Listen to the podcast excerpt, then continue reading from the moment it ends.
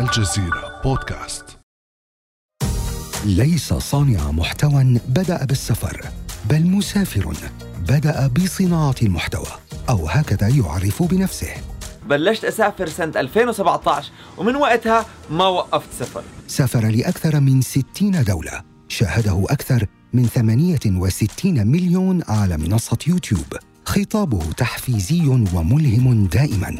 حضوره لطيف أمام الكاميرا التي لا تفارقه كابتسامته. لغته بسيطة ومباشرة. يعرف جيدا كيف يستقطب جمهوره وأسلوبه ممتع في رواية حكايات البلدان وشعوبها. سلام أنا ابن حتوتة. لا يعترف بالحدود ابدا. يفرق بين الحكومات وشعوبها ويحلم بزيارة بيت العائلة في يافا برفقة جده. ليفتحه بالمفتاح الذي احتفظ به كأي فلسطيني. أنا خالد مجذوب وهذا أثر الفراشة من الجزيرة بودكاست. أرحب بضيفي اليوم قاسم الحتو أو ابن حتوتة. قاسم كيفك؟ تمام تمام بألف خير. يعطيك العافية خالد وحسيت بتعرفني أكثر مني. هاي الامبريشن أنا بهمني إني أعطيك إياها ولو ما كانت حقيقية 100% بس هلأ من خلال هاي الحلقة آه، أنا I'm looking forward أتشوق لمعرفتك أكثر. بس بالبداية يسعدك يا رب. تسلم. بالبداية كتير حابب أوقف عند لقب أو كنية ابن حتوتة. هذا الاسم له دلالات كتير. هلأ نحن بنعرف من نحن وصغار بأنه كان في رحالة مشهور جدا بالعالم العربي اسمه ابن بطوطة. فشو حكاية اسم ابن حتوتة وليه اخترت هذا اللقب بمسيرتك؟ هو فعليا زي ما أنت حكيت ابن بطوطة اسم أي شخص بسمعه ذهنه بيروح باتجاه فكرة معينة فكرة تجاه الاستكشاف البلدان الثقافات كتب نعم. ابن بطوطة. فعلى نفس ال على نفس ال يعني الوزن آه، حبيت آخذ من من هذا الاسم وسميت حالي ابن حتوتة آه، لأنها جمعت مجموعة أشياء أنا كان بدي إياها تكون موجودة في الاسم. بداية حتوتة في اللهجة المحكية ببعض اللهجات تعني قصة. وأنا فعليا راوي قصص آه، بفيديوهاتي وبالمقالات وغيره.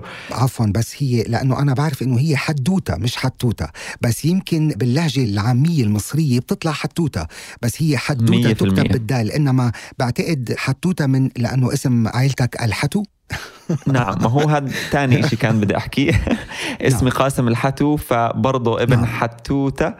آه وثالثا كنية بابن بطوطة اللي يعني آه ما في حدا ما. بيعرفه. والفكرة بأنه أنت من خلال أسفارك واطلاعك عم تخبر الناس آه، قصص حواديت خلينا نقول عن هذه التجارب. طب بما أنه حكيت عن ابن بطوطة بيقول ابن بطوطة قال هذه المقولة من أكثر من 600 عام. إنه السفر يتركك صامتا ويحولك إلى قصاص. طب اليوم مش ابن بطوطة ابن حتوتة. هل بيعتبر نفسه قاصا أو راويا من بعد سلسلة هالتجارب؟ بالتأكيد بالتأكيد. زي ما زي ما قال ابن بطوطة بداية الواحد ما بيعرف كيف يعبر وبعدين بصير عنده كم هائل من القصص والتجارب اللي خاضها مع مع أهل البلدان. ما في شخص بيسافر وبيختلط في شعوب العالم إلا ما يطلع بمجموعة كبيرة من القصص. آه، اللي فرق بمسيرتي أنا إنه قصصي كان عندي الفرصة إني أقدر أشاركها مع جمهور كبير. لكن طبعا أي رحال عنده مجموعة كبيرة من القصص أنا الحمد لله تميزت برواية قصصي عن طريق الفيديوهات اللي بقدمها إنستغرام والسوشيال ميديا بشكل عام. فبالتأكيد بعتبر نفسي راوي قصص يعني. نعم. هلا في شغلة ملفتة بتجربتك آه، الحقيقة قاسم وهي يعني أنت إذا الواحد بحب يستشف شيء من تجربتك هي مدى انفتاح الإنسان على الآخر أو مدى أهمية الانفتاح على الثقافات والشعوب الأخرى. لأنه كل الناس بتسافر بس ما كل الناس بتبقى مقبلة على الثقافات مهم. المختلفة بنفس هاي ال attitude. قديش مهم هذا ال perspective بسفر الإنسان؟ قديش مهم الانفتاح على الاختلاف بسفر الإنسان وشو علمتك هذه التجارب؟ بالتأكيد آه، تقبل الآخر هي القيمة الأولى اللي يعني الواحد بتعلمها من خلال السفر أو من خلال الاختلاط في شعوب العالم. وهي تعتبر يعني ما في رحالة بتسأله إلا بتكون هاي أول قيمة تعلمها آه، من السفر. لأنه آه، بالسفر الواحد بيكون مجبر إنه يختلط بشعوب العالم أديان مختلفة ثقافات مختلفة. كل شيء مختلف. مبدئيا ال- خلينا نحكي الشغلات الظاهرية آه، مختلفة الأشكال وال- والثقافات وغيره. فبالتالي بالبداية دائما في اللي بنسميها الكلتشر شوك نعم. الصدمة ال- الثقافية نعم. الواحد بيستغرب من من العادات اللي بيشوفها بداية. صعب يتقبلها طالع من من مكان من دائرة مغلقة من نعم. فقاعة معينة صعب يقدر يتقبلها. لكن هون بيجي دور السفر وكثافته تحديدا. بداية بيكون في الصدمة لكن مع تكرار التجربة أولا بتصير شوي شوي تفهم إنه صحيح في صدمة ثقافية صحيح في اختلاف. لكن هذا الاختلاف بعد ما كنت أفكره إشي سيء بتبدأ تفهم إنه الاختلاف إشي عادي مش ضروري إحنا نكون كلياتنا زي بعض. وشوي شوي رحلة ورا رحلة بتصير تفهم إنه اختلافنا مش سلبية اختلافنا هو إيجابية والسفر بخلينا يعني واحدة من الشغلات اللي فعلا نحبها في هذا السفر إنه بيعرفنا على هاي الاختلافات وبفرجينا إنه بالرغم من اختلافنا الظاهري لكن داخليا كلياتنا قريبين جدا أكثر مما بنتصور من بعض بحاجاتنا الإنسانية بحبنا للقبول حبنا للآخر آه، فضولنا تجاه الآخر. بالنسبة إلي ال- ال- التقبل الآخر هي القيمة الأولى اللي الواحد لا يعني بتعلمها من السفر وشخصيا بحاول أشاركها مع الناس من خلال آه، الترحال. أنا يعني فكرة أنه قعدت أفكر في البداية هل بدي أكون منغلق على نفسي ولا بدي أحاول قدر المستطاع أني أختلط في الشعوب. آه، بداية طبعا كانت الصدمة الثقافية وكان شوي صعب. لكن مع الوقت صار عندي حب صار عندي شغف تجاه إني أجرب أشياء جديدة أتعامل مع الشعوب المختلفة. طيب جميل جدا اللي أنت شاركنا فيه قاسم. الحقيقة ذكرني كلامك بشيء أنا كنت قرأته من قبل بيقول إنه يعني يمكن إنه أن لا يقضي السفر على التعصب لكنه يبين أن كل الشعوب تبكي وتضحك وتأكل وتموت ويظهر أننا لو حاولنا فهم الآخرين لربما نصبح أكثر سلاما مع أنفسنا ومعهم. سؤالي لك إنه ماذا اكتشفت عن نفسك من خلال رحلاتك المستمرة؟ بداية أول أول يعني شيء اكتشفته عن نفسي إني شخصيا كنت متعصب أكون صريح هيدي معك. هيدي جميلة جدا هذا الاعتراف. آه، استكمالا للنقطة الماضية. آه، أول أول ما بدأت أسافر آه، فعليا أول ما طلعت كانت طلعة إلي على الهند. كانت نعم. أول رحلة كبيرة. آه، ما كنت عارف شو أتوقع ما كنت عارف شو اللي طبعاً. راح أشوفه لكن كان عندي الفضول هي صح. بتبدأ من هون نقطة الفضول ففضولي خلاني أروح على الهند أول ما وصلت هناك كان عندي تعصب لأفكار معينة من آه، الأفكار اللي طلعت فيها اللي إحنا بنكون متعلمينها من وإحنا صغار محطوطين في نعم. دائرة مغلقة ولما سافرت الشغلة الأولى اللي تعلمتها آه، عن نفسي إني أنا فعليا آه، كنت شخص متعصب لأفكاري ولما شفت الناس الثانية في خصوصا بداية في الهند وحاولت أفهم منهم. هو هون بيجي الموضوع إنه حاولت أفهم شو عم بيعملوا. مش من بعيد طلعت عليهم لا دخلت بيناتهم نعم. وسألت وتعلمت. آه، اكتشفت إنه ليش أنا متعصب؟ آه، يعني اكتشفت إني متعصب واكتشفت إنه لازم أشتغل نعم. على هذا الموضوع.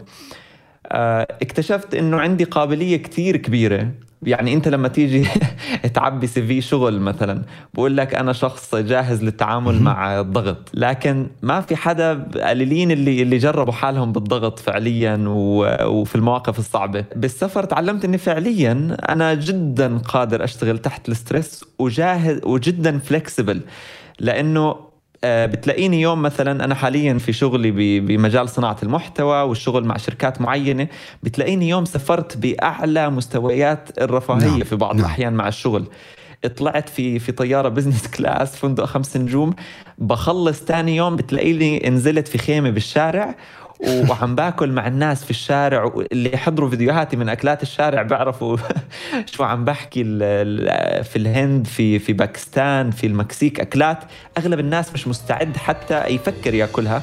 صباح الخير واهلا فيكم بالجزء الثاني من جولة العشرة دولار من أكل الشارع في الهند. فاليوم بدنا نشوف شو بقدر آكل في منطقة أول دلهي اللي أنا هلأ فيها بالخمسة دولار الباقيين. أول دلهي هي أقدم منطقة في العاصمة وكانت عاصمة للإمبراطورية المغولية قبل عدة قرون. يا أخي عجبين شو هالباكستاني يا أخي؟ برياني بعظم البقر يعني في في حشوة عظم البقر. فعندنا هون عظمة في عندنا البرياني ومعها لحمة. خليني أجرب طعمه. ما عمري جربت إشي زي هيك. رحلتنا اليوم على المكسيك. وقد ما سمعت عن أكل المكسيك حسيت أول فيديو لازم أعمله من هناك. هو فيديو شو ممكن ناكل ب 10 دولار من أكل الشارع في المكسيك. بتلاقيني طلعت من الرفاهية العالية ل أكثر إشي شعبي في الحياة. مرة تانية بطلع في باص آه، باتجاه قرية ما بعرف فيها حدا بتعرف على الناس في القرية. اكتشفت أني جدا مرن للتعامل مع المواقف المختلفة في السفر. القدرة على التكيف.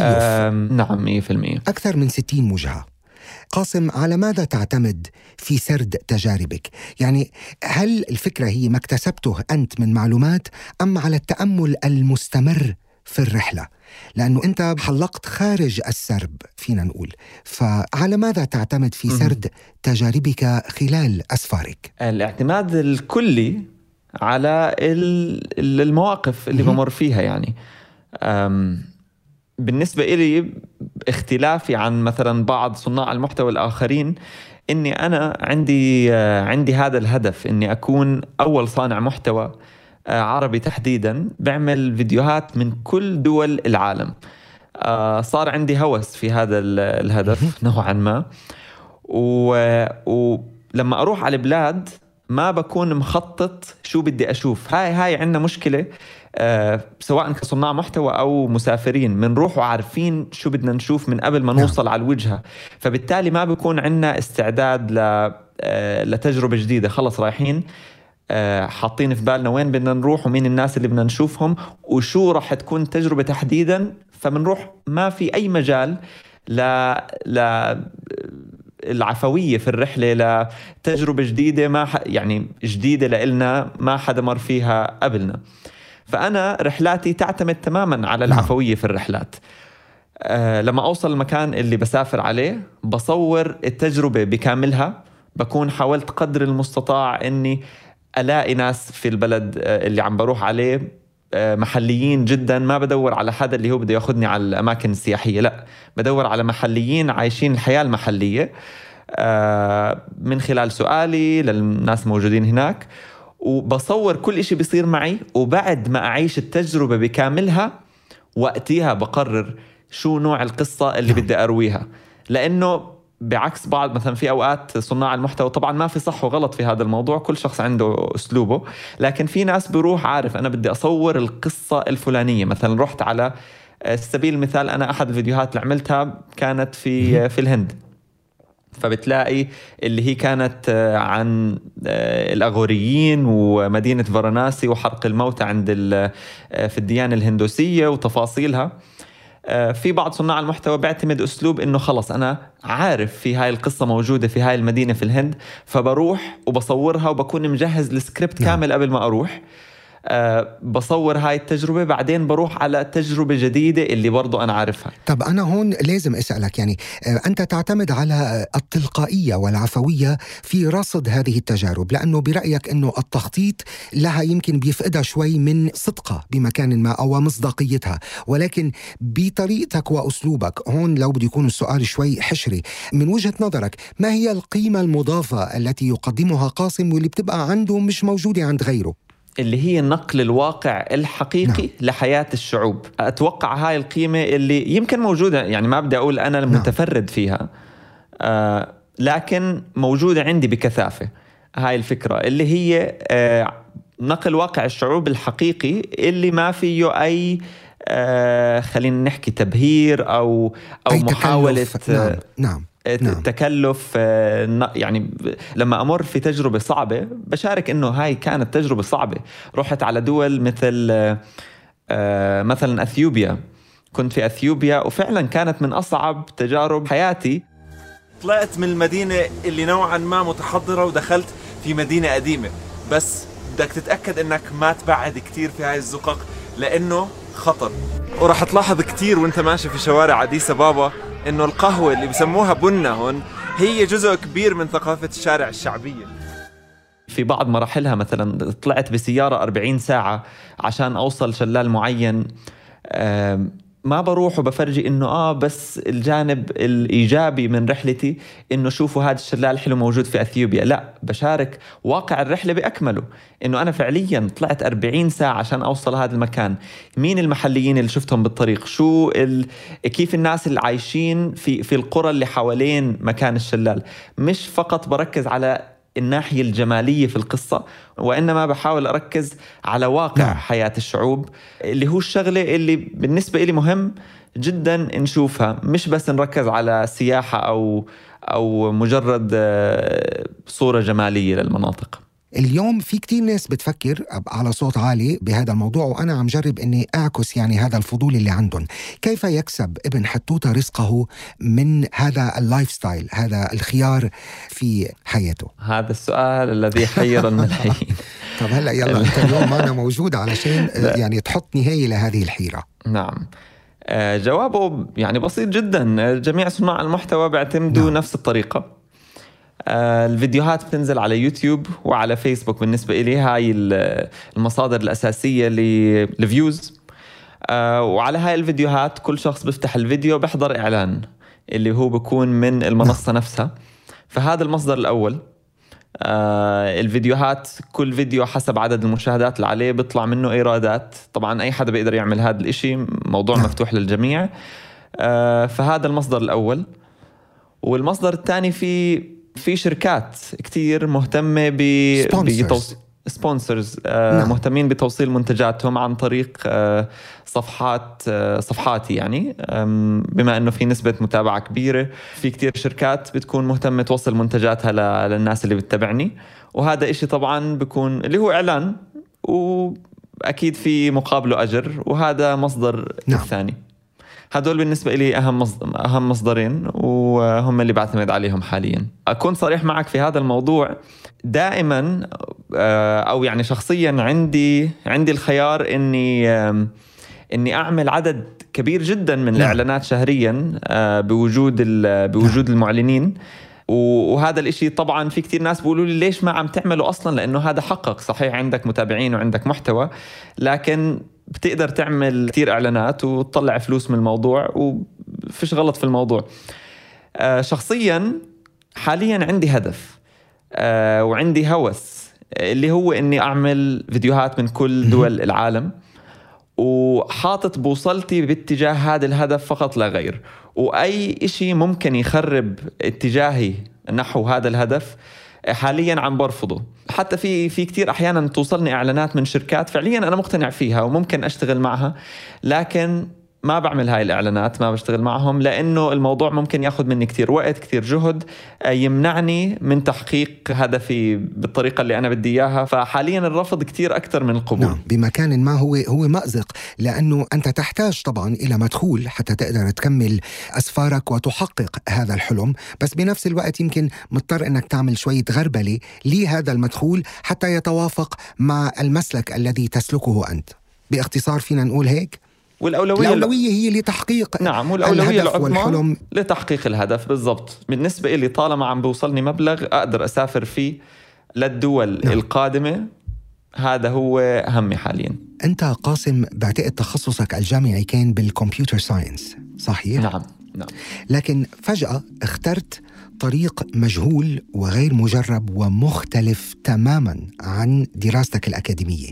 طيب هذا الحلم يعني الحلم اللي أنت عم تجرب تحققه بعيد جدا عن حلم الأغلبية الساحقة من سكان هذا الكوكب يلي هو بيحلموا بالوظيفة والاستقرار وبناء عائلة وأسرة وإلى ما هنالك. إذا بدنا هلا بدنا نصير نسميها أحلام أحلام تقليدية مقارنة بحلمك أنت. طيب هي الفكرة بأنه ما أتوقع. بغض النظر. طبعا هناك اختلاف وفرق بين كل إنسان والآخر. ولكن أوكي اليوم لما قاسم بيسافر من خلال ال lifestyle تبعك كيف بتنظر اليوم للإنسان اللي هو عايش حياته يذهب إلى العمل بيقعد 8 ساعات 9 ساعات؟ هالموظف البسيط يلي عم بجرب اليوم كيف تنظر إلى هذه الحياة؟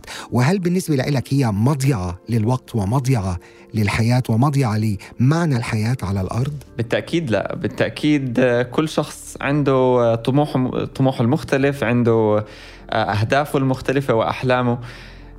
فبالتأكيد هي ليست مضيعة للوقت وعالمنا يحتاج لناس مختلفة ناس في تخصصات مختلفة.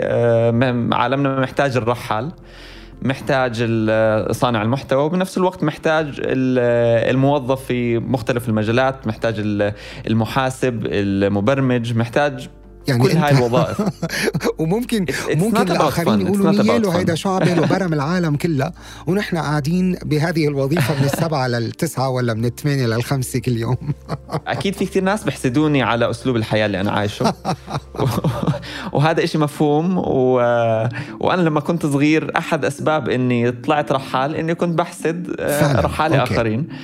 منهم ابن بطوطة وماجلان وجماعتنا نحن بنحكي هون الحسد بمعنى مش بمعناه السلبي يعني بيحسدوه بمعنى إنه بيتمنوا آه، طبعاً، إنه طبعاً. يكونوا عندهم هيدا. ال lifestyle هيدا أسلوب الحياة نفسه نعم, نعم. 100% لكن عشان الواحد يقدر يعيش هذا ال lifestyle في كتير كتير كتير تضحيات لازم نعم. ياخذها وكتير صعوبات لازم يمر فيها وهذا أسلوب الحياة اللي بيشوفوه الناس على ال social media هو مش نعم. واقعي. آه، بجزء كبير منه. يمكن أنا بشارك الجزء الواقعي لكن الناس مهما حضرت حياتي على ال social media راح تشوف منها فقط الجانب الإيجابي وراح تتمنى يكون عندها الجانب الإيجابي. فأنا لما أشارك خلال مثلا عدة آه، stories على إنستغرام أو فيسبوك وغيره آه، إني وصلت على سبيل المثال شلال اللي حكيت عنه نعم. قبل شوي في أثيوبيا راح يشوفوا إني آه، فتحوا ال story الأولى قاسم موجود في عاصمة أثيوبيا فتح ال story الثانية قاسم موجود عند أكبر شلال في أثيوبيا منظر كأنه من الجنة فأكيد راح يتمنى أنه يكون موجود نعم. نعم. في هذا المكان لكنه ما شاف ال 40 ساعة اللي كانوا بين هاي ال story المشقة. وهاي ال story نعم. اللي نعم. وصلت نعم. فيها على الشلال نعم. المشقة فبالتالي آه، في كتير تضحيات أنا حاليا آه، اضطريت أضحي فيها آه، الاستقرار ال- العلاقات المجتمعية. تماما يحق السؤال. يعني ودائما بيخطر هذا السؤال على بال الكثيرين. هلأ طبعا نحن بنعرف بأنه عالم ال social media بالنهاية هو يعني فضاء افتراضي. أنت من خلاله عم تجرب أنك تقدم slice of life شريحة حقيقية من الحياة. يمكن الهدف منها إلهام الناس آه، تلهم الآخرين. يمكن تزرع الفرحة والابتسامة في قلوبهم وعلى وجههم إلى ما هنالك. ولكن بالآخر لازم أسألك ما مدى تأثير سفرك الدائم على علاقتك بأهلك ومحيطك. يعني ألم يكن لذلك تأثير سلبي؟ وما رده فعل عائلتك عندما قررت مثلا أنت أن تعيش لنفسك 365 يوم في العام وتتركهم؟ هل هيدا كان سهل؟ شو التضحية اللي أنت قدمتها في هذا المجال؟ بالتأكيد مش سهل. بالتأكيد في صعوبة كبيرة بأنه الواحد آه، تكون حياته خالية تماما من الاستقرار. آه، يكون آه، فعليا حياتي موجودة كاملة في في حقيبة ظهري. تقريبا ما عندي ممتلكات آه، حقيقية كثيرة خارج الحقيبة اللي باخذها معي حول يعني العالم عايش مثل ما بنقول عايش على شنطة السفر نعم أنا عايش على الخريطة وأملاكي كلها في شنطتي نعم. اللي على ظهري و... و... وهذا الأسلوب الحياة فيه تضحية كبيرة بموضوع الاستقرار بموضوع علاقاتي الاجتماعية سواء بالعائلة أو في الأصدقاء أو في الحياة العاطفية نعم. أو غيره يعني آه، فيش ح- حياة بتتقلص كتير. لكن هون بصفي عنا سؤال وين نعم. أولويات الشخص؟ أنا مثلا أهلي صحيح بشوفهم بشوفهم مرة بالسنة تقريبا. آه، مرة مرتين بالسنة برجع على الأردن آه، فبشوف أهلي فيهم. و- وأهلي بالبداية كان صعب كتير عليهم يتقبلوا هذا الموضوع. آه، لكن بالحياة الواحد بتعود. فبالبداية كان صعب عليهم لكن اليوم خلص تقبلوا الموضوع. إحنا في عالم في إنترنت آه، بسهولة ممكن من أي مكان أنا موجود فيه بالعالم أرن عليهم ويشوفوني فيديو. ما عاد التواصل هالقد صعب ومعقد يعني مش بحاجة لشهور سفر لتوصل لعندهم على الجمل مثلا. مية في المية. فأهلي مش يعني بطل الموضوع بالنسبة نعم. لهم كتير صعب.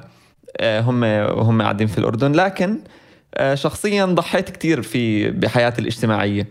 آه، لكن الهوس اللي عندي اللي حكيت عنه آه، صار كأنه في في عندي مدير شخصي قاعد على كتفي ليل نهار بحكي لي بدك توصل نعم. للهدف تبعك ما بزبط أوقف من السفر اللي عم بعمله حاليا لأوصل للهدف تبعي وشو آه، هو ف- هذا الهدف؟ الهدف هو أن تكون قد صورت فيديو في كل مكان من العالم هذا هو هدفك الهدف الحالي هدفك. نعم ومن خلال هذا الهدف يعني في في أهداف فرعية اللي هم من خلال هذا الهدف بده يكون لي أثر معين حاطه في بالي آه نعم. على المجتمع آه بدي أكون شاركت مجموعة آه قضايا آه اللي بآمن فيها ومهتم بمشاركتها مع مع العالم آه رح نحكي عن هذا الموضوع. طب هون آه أنا كنت سألتك عن بالبداية أنت كنت تخصصت في الكمبيوتر ساينس وبعدين اخترت طريق مغاير تماما للطريق التقليدي اللي بياخده أي إنسان آه، درس.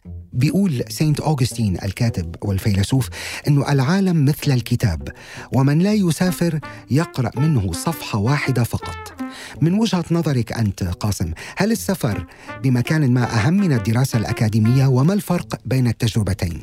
السفر والدراسة الأكاديمية السفر بحد ذاته هو مدرسة عشان نكون آه، واقعيين يعني في نعم. فائدة السفر في فرق كبير بين الثقافة الأكاديمية المعرفة الأكاديمية وبين المعرفة تبعت السفر.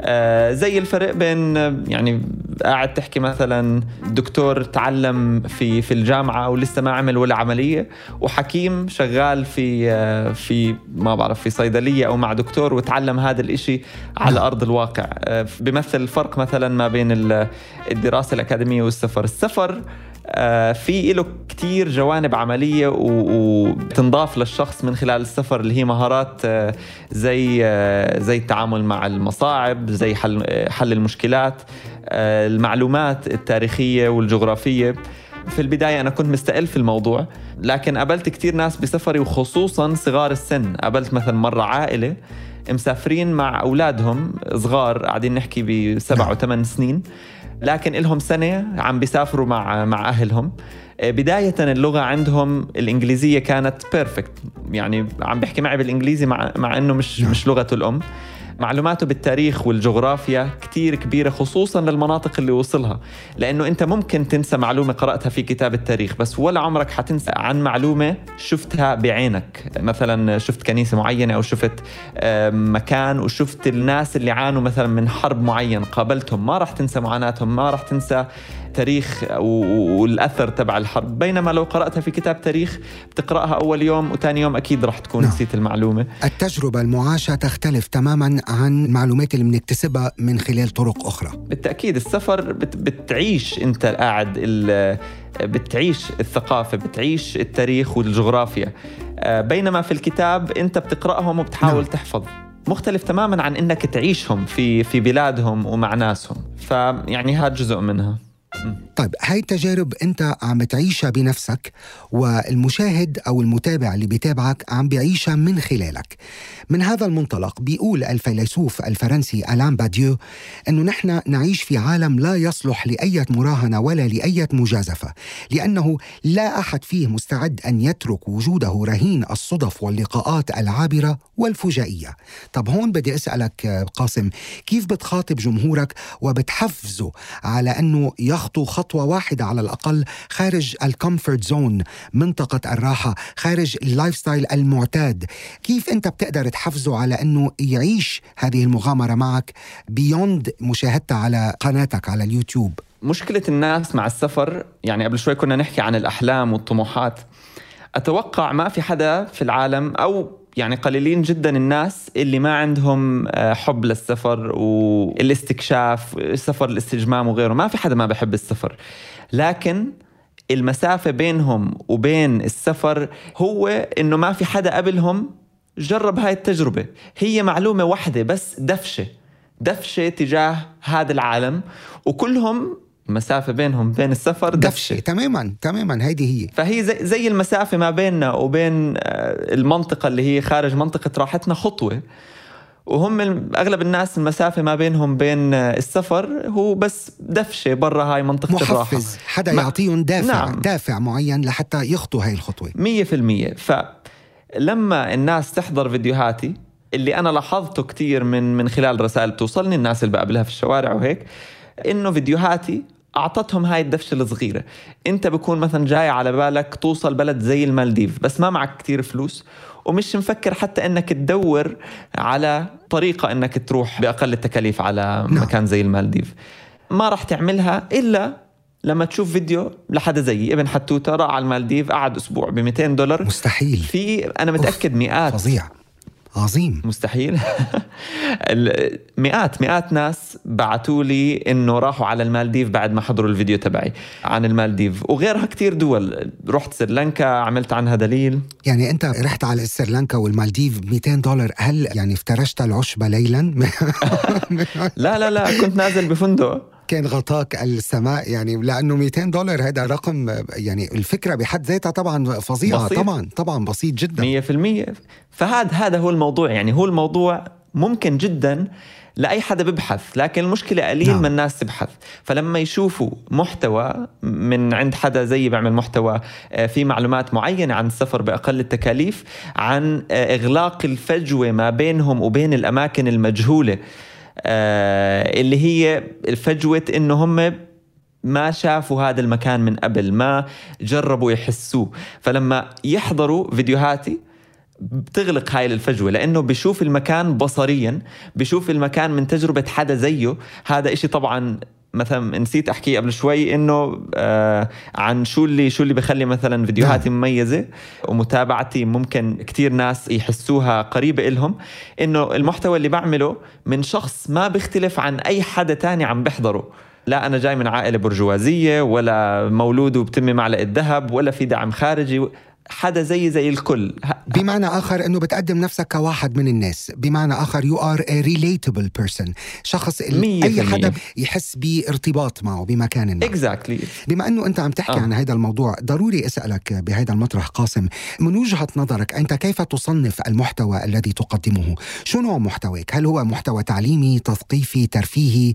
أم كلهم سوا مثلا؟ هو المحتوى كلياته على ال social media يعتبر بالمستوى الأول آه، المحتوى تبعي هو مزيج ما بين نعم. نعم. الترفيهي والمعلوماتي ثقافي بالدرجة الأولى يعني هدول الشغلتين مع بعض بالنسبة إلي أي محتوى نجح على ال social media هو محتوى ترفيهي نعم. نعم. بالدرجة الأولى لأنه ما في حدا بيحضر محتوى لا يرفه نعم. عنه حاليا إلا إذا مضطر ف والمضطرين قليلين فما في مشاهدات على المحتوى اللي اللي هو تعليمي نعم. بحت مثلا. ما حدا بيحضر تعليمي بحت. يعني اللي بيحضره ما يمل. يعني ضروري يكون في هاي جزء نعم. ترفيه. فمحتواي زي ما حكيت يعتبر آه، ترفيهي آه، بالإضافة لأنه يعني ثقافي معلوماتي. بهذا الفيديو راح أعطيكم نصائح إذا حابين إنكم تسافروا زيي النصيحة الأولى قبل ما تسافر في موقع اسمه IATA Travel Centre اللي هو موقع اتحاد الطيران العالمي بتلاقي عليه قوانين الطيران للسفر لأي مكان في العالم. ثانيا ضروري تتعلم كيف تستخدم تطبيق Skyscanner. هو موقع بسيط جدا تقدر من خلاله تقارن بين أسعار شركات الطيران المختلفة بالنسبة للرحلة اللي أنت حابب تروحها. بالنسبة إلي ضروري يكون في بكل فيديو ما حدا يحضر فيديو من عندي وما يطلع بمعلومة سواء تاريخ جغرافيا آه، نصيحة سفر جميل. تعلم عن الشعوب والأسعار في الدول أو العادات الغريبة. يعني ضروري يكون في إشي جديد للحدا اللي عم بيحضره وإلا بالنسبة إلي حياتي الشخصية مش إشي بهمني إني نعم. أشاركه. آه، بهمني أشارك الجزء اللي صحيح. فيه فائدة. أحسنت. في موضوع مهم هون بما إنه حكيت أنت عن سفرك وترحالك. أنت أردني الجنسية صحيح؟ نعم. نعم طب هلا يحتل جوازك يا قاسم المرتبة 92 في العالم بواقع 51 دولة فقط تسمح لكم بالمرور بتأشيرة وصول أو دون فيزا حسب موقع فيزا إندكس ما هي التحديات التي تواجهها خلال تأمين تأشيرات الدخول لكل البلاد التي تسافر إليها هذا لحاله الموضوع مفروض يكون يعني كمان بيعمل قلق وعنده يعني في تحديات كتير فيه بده تحضير كتير أليس كذلك؟ أكيد الفيز هو حاليا نعم. نعم. أكبر تحدي خصوصا زي ما حكيت الجواز الأردني مش آه، أقوى جواز في العالم. ولا تاني أقوى جواز ولا ثالث أقوى جواز. هو رقم زي ما قلت آه، 92 المشكلة إنه في بداية الرحلة الموضوع بيكون سهل نوعا ما لأنه في زي ما حكيت 51 بلد آه، ممكن أروحها من غير فيزا. وفي عندك يمكن كمان 50 بلد بدهم فيزا بس نعم. فيزتهم سهلة. المشكلة في المية الباقيين. ومن المية الباقيين يمكن في منهم 90 آه، ما عندناش سفارة إلهم في الأردن. فأنا مضطر أسافر لدول مختلفة حول العالم فقط لأجل تقديم الفيز. مثلا أنا هلأ في خطتي أروح نعم. غواتيمالا. غواتيمالا ما إلها سفارة بالأردن. فبالتالي مضطر أقدم للفيزا بدولة تانية. آه، تواصلت مع السفارة في فرنسا. آه، قالوا لي عشان أقدم بدهم كمية هائلة من الأوراق ولازم أجيب الأوراق الأصلية. طب أنا مش في الأردن أصلا عشان أرجع أجيب الأوراق الأصلية. كيف بدي أجيبها؟ ما بعرف. فأنا مضطر أرجع على الأردن أطلع هاي الأوراق اللي طلبوها وبدهم آه، عدم محكومية وبدهم شهادة صحية. في كتير نعم. أوراق بدهم إياها. فمضطر أرجع على الأردن آخذ الأوراق وآخذ موعد بفرنسا وأروح أقدم الفيزا هناك. ولما تطلع لي إذا طلعت وقتها بقدر أحجز ticket. آه وهاي طبعا دولة واحدة من كتير دول حاليا عم بواجه معها نفس المشكلة. وهذا بالنسبة لي أصعب إشي. في الباراغواي حكيت مع السفارة تبعتهم القنصلية في الأردن رد علي ال- القنصل الفخري آه بقول له بدي أروح على باراغواي. بقول لي ليش بدك تروح؟ بدك تقدم هجرة؟ قلت له نعم. لا سياحة. بقول لي اسمع أنت واضح إنك قارئ على الإنترنت عن الهجرة للباراغواي فكون صريح معي عشان نعم. أقدر أساعدك. قلت له والله العظيم. رايح سياحة. فرد علي بقول لي ما في حدا بيروح سياحة؟ كيف يعني رايح سياحة؟ أحكي معي بالصراحة وقول لي ليش رايح ووين قرأت عن النت طب أنت ما عرفته عن. نفسك؟ وقلت له قلت له أنا والله. محتوى وبدي أروح علشان أعمل videos من بلدكم. قلت و... قلت له قلت له قلت له أنت شكلك بتعرفنيش معك ابن حتوتة؟ نعم. قال لي آه لا إذا هيك أنا آسف ما فيش فيز آه سكرها بوجهك فورا. والله العظيم. wow. wow. لا لا يعني فدولة زي هيك كيف بدي أقدم حقيقة فيزا؟ يعني حقيقة إنه المشقة اللي بتواجهها مش هينة ابدا ابدا انه أكيد في تحديات كتير بهذا الجو اللي أنت فيه طبعا يعني اختيارك لل journey هذه الرحلة لكل خيار نقوم به هناك ثمن ندفعه هو طبعا والمتعة كلها في ال journey to be صحيح يعني صحيح صارح. وأنت على هذا الكلام أنت قلت بأنه في السابق قلت آه، صرحت بأنه السعادة هي في الطريق وليست في الوجهة يعني happiness is in the journey not the destination طبعا هذه عبارة فلسفية بامتياز يا قاسم. بس أنت اليوم إذا بالرغم من كل هذه التحديات اللي أنت بتواجهها والمشقة وإلى ما هنالك اليوم كيف وجد ابن حتوتة سعادته ورضاه؟ كيف وجدت سعادتي نحن ورضاي؟ كمان مع العلم خلينا نترك مساحة ونقول إنه ما حدا سعيد 100% وراضي 100% يعني. أنا أكيد. بالنسبة إلي حاليا إذا بتسألني شو الشغلة اللي بدك تغيرها نعم. في حياتك بقول لك ولا إشي. وهذا بالنسبة إلي هو المفهوم الحقيقي لإني عايش سعيد. أكيد ما في سعادة مية في المية لكن بالنسبة إلي ما في شغلة في حياتي في الطريق إلى الآن خصوصا في يعني الطريق الأخير هذا في في موضوع السفر وصناعة المحتوى ما في إشي ندمت عليه. كل إشي كان بدي أعمله سعيت لأني أعمله. وبالنهاية قدرت أني أعمله وفي بعض الأهداف لسه ما عملتها لكن عم بسعى إلها. فلو تسألني هل بغير إشي من من الشغلات اللي من طريقة حياتي حاليا والشغلات اللي عم بعملها راح أحكي لك لا. لأنه فعليا ما يعني ما تركت إشي آه بدي أعمله ما سعيت إله. وهاي مشكلة كتير ناس اللي هو بكون بحلم وعنده شغ... عنده شغف آه معين في موضوع معين وعنده اهتمامات كتير لكن بتسأله دايما طب لو بتغير إشي بحياتك؟ بقول لك ممكن أغير إشي تجاه شغفي تجاه آه هدفي هذا تجاه الحلم هداك. آه لكن شو عملت؟ ما بيكون نعم. عمل ولا إشي. نعم. فهذا الإشي اللي أنا مرتاح مع نفسي فيه لا شك إنه هذا الشيء بيمنحك آه، على الأقل آه، مش موضوع سعادة لأنه السعادة بالمطلق هي يعني أمر آه، تجريدي هي أكيد، أكيد. مفهوم تجريدي في المية. السعادة بالمطلق it's an abstract notion ولكن أكيد بيعطيك رضا عن الذات هذا الشيء إنك أنت بمكان ما. سعيت وراء سعيت. تحقيق حلمك وواجهت كل المشاكل والصعاب نعم. في هذا الطريق أنا ما بدي أسألك كان هذا السؤال من واقع سؤالك أنا بدي أسألك مش إذا أنت اليوم بتغير شيء بحياتك أنا بدي أسألك إذا اليوم قدرت يا قاسم بأن تغير شيء واحد في العالم ماذا تغير؟ لو بغير شيء واحد في العالم. بالنسبة إلي اللي هي القيمة الأولى اللي بتهمني حاليا اللي بسببها العالم نوعا ما مش بخير اللي هي تقبلنا وحبنا للآخر. جميل. بغير هاي الشغلة في العالم. بخلي لو في إيدي الموضوع بخلي كل شخص حول العالم متقبل لجميع الناس اللي حواليه. إحنا مشكلتنا يعني مشكلة البعض إنه بندور على اختلافاتنا قبل ما ندور على الشغلات اللي بتخلينا نشبه بعض. مع إنه الشغلات اللي بتخلينا نشبه بعض كتير أكتر من الشغلات اللي بتخلينا مختلفين. لكن للأسف بنركز على الاختلافات والشغلات اللي بتخلينا نكره بعض. وهذا الإشي اللي عامل عنا كل مشاكل العالم. فلو بإيدي أغير إشي هذا هو آه طب أهم شغله أنت كمان كنت صرحت وقلت إنه أنت لا تعترف بالحدود بس أنت اليوم عم تعيش قساوة الواقع وخصوصا في صعوبة سفرك إلى أماكن كثيرة حول العالم. فيعني كل ما عم يزداد آه، السفر صعوبة. ويوما بعد يوم ألا ترى بأنه هذه الحدود التي لا تعترف بها هي أمر واقع ومفروض علينا كبشر؟ هي أمر واقع ومفروض علينا كبشر لكن إحنا مش مجبرين نتقبل فكرتها. نعم. إحنا ممكن نتقبلها غصب عنا كواقع. يعني إحنا لما تحكي عن آه، أنت مش مش مآمن بإشي. زي ما تسأل أي شخص مهتم مثلا في آه، القضية نعم. الفلسطينية تسأله عن آه، الكيان الصهيوني. هل أنت شايفه كدولة؟ واقعيا مضطرين مثلا إنه موجود في اليو إن العالم معترف فيهم كدولة. لكن تسأل أي واحد هل هي دولة؟ بقول لك فيش شيء اسمه نعم. إسرائيل. بس هي زي ما انت حكيت ممكن تكون واقع يعني غصب عنه هو موجود بس خلص إحنا بالآخر الفكرة اللي انت بتآمن فيها هو المهم مش إيش الموجود في الواقع حاليا. وكذلك الموضوع بالنسبة للحدود. الحدود موجودة ومضطر أقدم على الفيز ومضطر أتبهدل بالحدود ومضطر أتغلب كل الغلبة عشان أقدر أوصل بعض الدول بسبب هاي الحدود اللي أنا مش مآمن فيها. فهي موجودة واقعيا.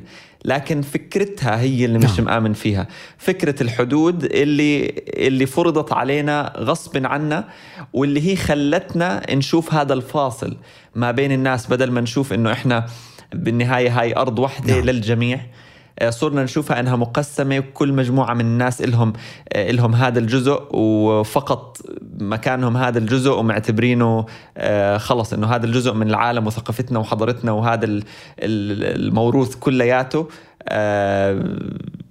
لازم ملهم بمكان ما. طبعا البعض يمكن يفكر إنه you are romanticizing بعدي أنت يعني عم تنظر لهذا الموضوع برومانسية. الحقيقة والواقع إنه نحن حدودنا أصلا لم نرسمها بنفسنا. يعني حدودنا رسمها المحتل رسمها الغرب. فرضت علينا وحتى بلاد العالم كلها. كل ما تطور الإنسان وأسس المجتمعات البشرية كل ما للأسف عمل انقسامات أكثر ما إنه يربط الناس ببعضها. طب هون قاسم بدي أسألك هل يجب أن يكون المؤثر مرتبط بشكل عضوي مع القضايا التي يؤمن بها؟ مرتبط على ال social media ولا مرتبط يعني شخصيا؟ تماما لأنه هون بشكل عضوي يعني أنت لا تفرق بين ما تقوم به من عمل وبين يعني القضايا اللي أنت ترتبط بها كقيم أو كمبادئ، هل هي متصلة بعملك كمؤثر ومن باب وجودك كمؤثر، كيف أنت تهتم بالإضاءة على القضايا التي تهمك واللي بتلاقيها مهمة على الصعيد الاجتماعي والعالمي من خلال عملك كمؤثر؟ هلأ هذا الموضوع طبعا بيعتمد على كل شخص و... وكيف شايف ظهوره على ال social media لازم يكون.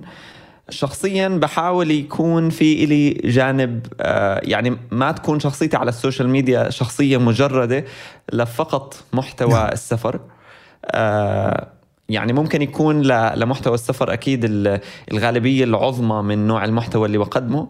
لكن بالنهاية في في مجموعة قضايا ومجموعة قيم أنا بآمن فيها. بهمني إني أشاركها على ال social media. آه ذكرنا بعضها في في الحديث قبل شوي. آه ومنها مثلا آه آخر فترة كان في موضوع مثلا القضية الفلسطينية. آه وكان يعني آه كان دور كبير للسوشيال ميديا بإنه آه نلقي عليها الضوء خصوصا عالميا حاليا وليس فقط آه، عربيا. وعلى سبيل المثال تقصد بسبب الهجمات الأخيرة اللي صارت بغزة؟ لأن القضية الفلسطينية هي قضية الهجمات كل اللي صارت في غزة. منذ الأزل وإلى اليوم. بس ليش آخر فترة مؤخرا يعني؟ أكيد ليش أكيد. مؤخرا؟ مؤخرا لأنه آه، صار في مثلا قضية نعم. حي الشيخ جراح آه، سلطت الضوء في هاي الفترة على نعم. هاي القضية. أكيد هو في كتير قضايا بكون يعني بالآخر عالمنا في آه، مجموعة كبيرة من القضايا صحيح. الإنسانية آه، لكن مش كل القضايا بكون مسلط عليها الضوء بنفس الفترة وكل قضية يعني بكون في فترة معينة بت يعني الناس بيركزوا على هاي القضية والفترة الماضية كانت القضية الفلسطينية من القضايا اللي الحمد لله اتسلط عليها الضوء عالميا. بسبب يعني كانت بداية الشرارة شرارة البداية لهاي الحملات اللي هو مثلا موضوع آه، حي الشيخ جراح أول ما بدأ. آه، وهاي كانت واحدة مثلا من الشغلات اللي عملت عنها محتوى. في عدة فيديوهات عندي كانت عن تقبل الآخر آه، ونبذ العنصرية. آه، في فيديوهات لمواضيع خيرية مثلا في هلأ عم بعمل حملة صغيرة آه، كنت في بنين آخر دولة. في غرب أفريقيا وحاليا عم بعمل آه، حملة صغيرة لبناء مجموعة آبار آه، للقرى النائية اللي ما عندهم مياه شرب مياه نقيه نعم جميل جميل آه، جدا. نعم. ابار مياه فبالتالي في بعض الناس ما بفضلوا إنه يكون في قناتهم أي يعني أي جزء غير المحتوى اللي هم مخصصينه محتوى أطفال ولا محتوى فكاهي ولا محتوى سفر ولا محتوى معلوماتي. شخصيا بحاول يكون على الأقل في نسبة بسيطة من المحتوى اللي بقدمه بالإضافة للمعلومات وال- والثقافة اللي بقدمها يكون في شغلات آه، تعبر عن القيم اللي بآمن فيها. آه، السبب طبعا أنه يعني بتشوف كتير ناس آه، بيحضروا قنوات تلفزيون. آه، يعني حاليا أنت بتشوف لما تشوف قناة تلفزيون وتشوف صانع محتوى التنين يمثلوا فكرة متقاربة جدا. إنه التنين بيقدموا محتوى كل واحد له فكرة. هذا قائم عليه مجموعة كبيرة من الناس مجموعة كبيرة من البرامج وواحد قائم عليه شخص واحد. لكن بالنهاية هم التنين آه، منصات الناس بتتبعها. فما بتلاقي مثلا حدا راح وأجبر التلفزيون إنه يحكي عن قضية معينة. بينما بمنصات السوشيال ميديا في أحيان كثير بنجبر صناع المحتوى بعضهم. مع إنه في في بعضهم يمكن بدوش بس بتحطه تحت المجهر وب- في أحيانا بحس بالإجبار إنه لازم أحكي عن موضوع معين بفترة معينة وإذا أو إذا ما حط رسالة لمحتوى معناته هو فاشل طب ما هي قناة التلفزيون بكون ما عندها رسالة ولا إشي وناجحة؟ وهذا ما بده يحط رسالة. هلأ أنا ما بفضل نعم. أكون هذا الشخص بفضل يكون عندي هدف ورسالة. آه لكن في ناس هدفه بزنس فأنا ما بشوف من حقي إني آه إني أجبره يكون نعم. عنده رسالة. خلص هو الزلمة فاتح آه، قناته لأجل يجمع فلوس. يمكن مش هدف سامي بالنسبة إلي. ما مش من حقي إني آه، أحكم عليه بسبب من هذا مبدأ ال- إنه دع الخلق للخالق. كل واحد بيعمل اللي بيناسبه. تماما تماما. هلأ هون يعني ما بدي أعرج على كلامك كلامك مزبوط هناك فرق بين مؤثر عنده قناة على يوتيوب أو على إنستغرام وبين قناة تلفزيونية واللي بيروح بيحضر القناة التلفزيونية غير اللي بيحضر المؤثر وبيتابعه لكل عمل أو لكل جهة في أجندة وفي أسلوب وفي طرح يختلف الموضوع. ولكن بغض النظر اللي بدي أسألك إياه إنه في زمن صعود اليمين المتطرف والحركات العنصرية حول العالم. أنت تصر على أن تفرق بين الدول وشعوبها في أغلب إطلالاتك. طيب ألم تتعرض لمواقف عنصرية خلال أسفارك قاسم؟ نادرا نادرا جدا. أغلب المواقف يعني أه، أغلب المواقف اللي مريت فيها كانت أه، أه، كانت إيجابية مع الشعوب تحديدا. كان يعني ما ما حسيت فيها العنصرية في في أي بلد اللي تحكي البلد كامل عنصري بعض الأحيان حسيت في أه، في مواقف عنصرية أو أو تعامل مش لطيف وبالعادة بيكون مش من الشعب البسيط بيكون من موظف في المطار مثلا نعم. صارت معي في مطار معين أو على حدود معينة بيكون تعامل سيء آه، تعامل آه، ممكن يكون نعم. عنصري آه، لأنه القوانين في بعض الدول آه، أصلا عنصرية. لكن الشعوب نادرا يعني نادرا جدا آه، إنه يصير موقف نعم. عنصري آه، شخصيا ما مريت بمواقف عنصرية كثير أنت قاسم ذهبت لسوريا. بعد الحرب دعاك صديق الطفولة ووثقت لحظات تلك الزيارة. بعدين آه، عدت واعتذرت عنها نعم. واعتبرتها سذاجة سياسية في مقابلة على أحد الفضائيات كنت أشبه بها في المدان هل أنت يعني مهم. نادم الآن على هذه الزيارة؟ ولماذا كنت مدانا عليها. بالنسبة إلي يعني أحكي إني نادم على الزيارة بحد ذاتها مش نادم على الزيارة لكن اللي اللي اعتذرت عنه أو خلينا نحكي وضحت آه، موقفي منه كان أكثر بطريقة طرح المحتوى. آه، يعني أنا شخصيا ما كان عندي العلم الكافي ال- المتعمق كفاية أفهم آه، سياسيا ماذا يجري الشغلات في ال- في- الرمزية نعم نعم مش سياسيا وإنما الرم... نعم. الرموز تحديدا يعني آه، في بعض الرموز بعض ال- المصطلحات اللي ما كنت أعرف إنه آه، تستخدم بطرق معينة وممكن تستخدم بطرق معينة تخليك على جانب معين نعم. من. من النزاع آه، من. نعم. من نعم. القضية من النزاع آه، فهذا اللي طلعت وضحته وحكيت عنه لأنه فعليا ما كنتش عارف وعرفت من الردود اللي إجت بعد الفيديو. فهذا الإشي اللي كان ممكن أغيره يعني. آه، لكن آه، لكن من ناحية آه، من ناحية ندم على ال- الزيارة آه، شخصيا مش آه، مش نادم لكن المحتوى بحد ذاته كان ممكن آه، أكون يعني حساس أكثر بطريقة طرحه وكان لازم أستشير أصدقاء أكثر. آه، عشان لما أقدمه يعني ما آه، ما يؤخذ إني عم بحاول آه، أمدح أو أوقف على جانب أو, أو جهة آه، أخرى نعم نعم واضحة. اللي هو على جانب يعني الجهة النظام السوري. كمان من يعني من متابعتي لمحتواك في شغلة استوقفتني إنه نحن طبعا نعيش في عالم قائم على الاستهلاك. وإشباع الرغبات وما إلى هنالك يعني التسوق والتباري في المظاهر والموضة وشرحه. أنت تسوق لمحتواك بطريقة مختلفة يعني من مبدأ أنه هو قائم أساسا على فكرة المينيماليزم صحيح؟ هل أنت ترى نعم. بأنه محتواك اليوم يستطيع أن ينافس المحتوى الآخر يلي اليوم بقدم للناس تلك الرفاهية وتلك البهرجة وتلك؟ اليوم برأيك ما تقدمه أنت يستطيع منافسة هؤلاء المؤثرين الآخرين إذا بدنا نسميهم مؤثرين. ينافس وبقوة. نعم. ليش ما ينافس؟ يعني بشوف إنه المحتوى الريليتبل نعم. المحتوى ال- القريب من الناس اللي ممكن يحسسهم بشعور إيجابي اللي هو بالنسبة لي هذا أتوقع هذا ال- الإحساس اللي اللي بأخذه لحدا اللي بيحضرني إنه عم بحضر واحد بيشبهني. اللي بيعملوا شغلة ممكن أعملها. عم بفرجيني الطريقة حتى مش مش بس بروح مكان وخلص هي في المكان. فرجاني المكان بس كيف وصل كيف إيش دفع ما بنعرف. لا التفاصيل كلها موجودة وما في حدا ما بيقدر يعمل اللي بعمله. هذا الإشي بعطي شعور بالتحفيز الإيجابي لأنه نعم بقدر إني أعمل اللي بيعمله هذا الشخص.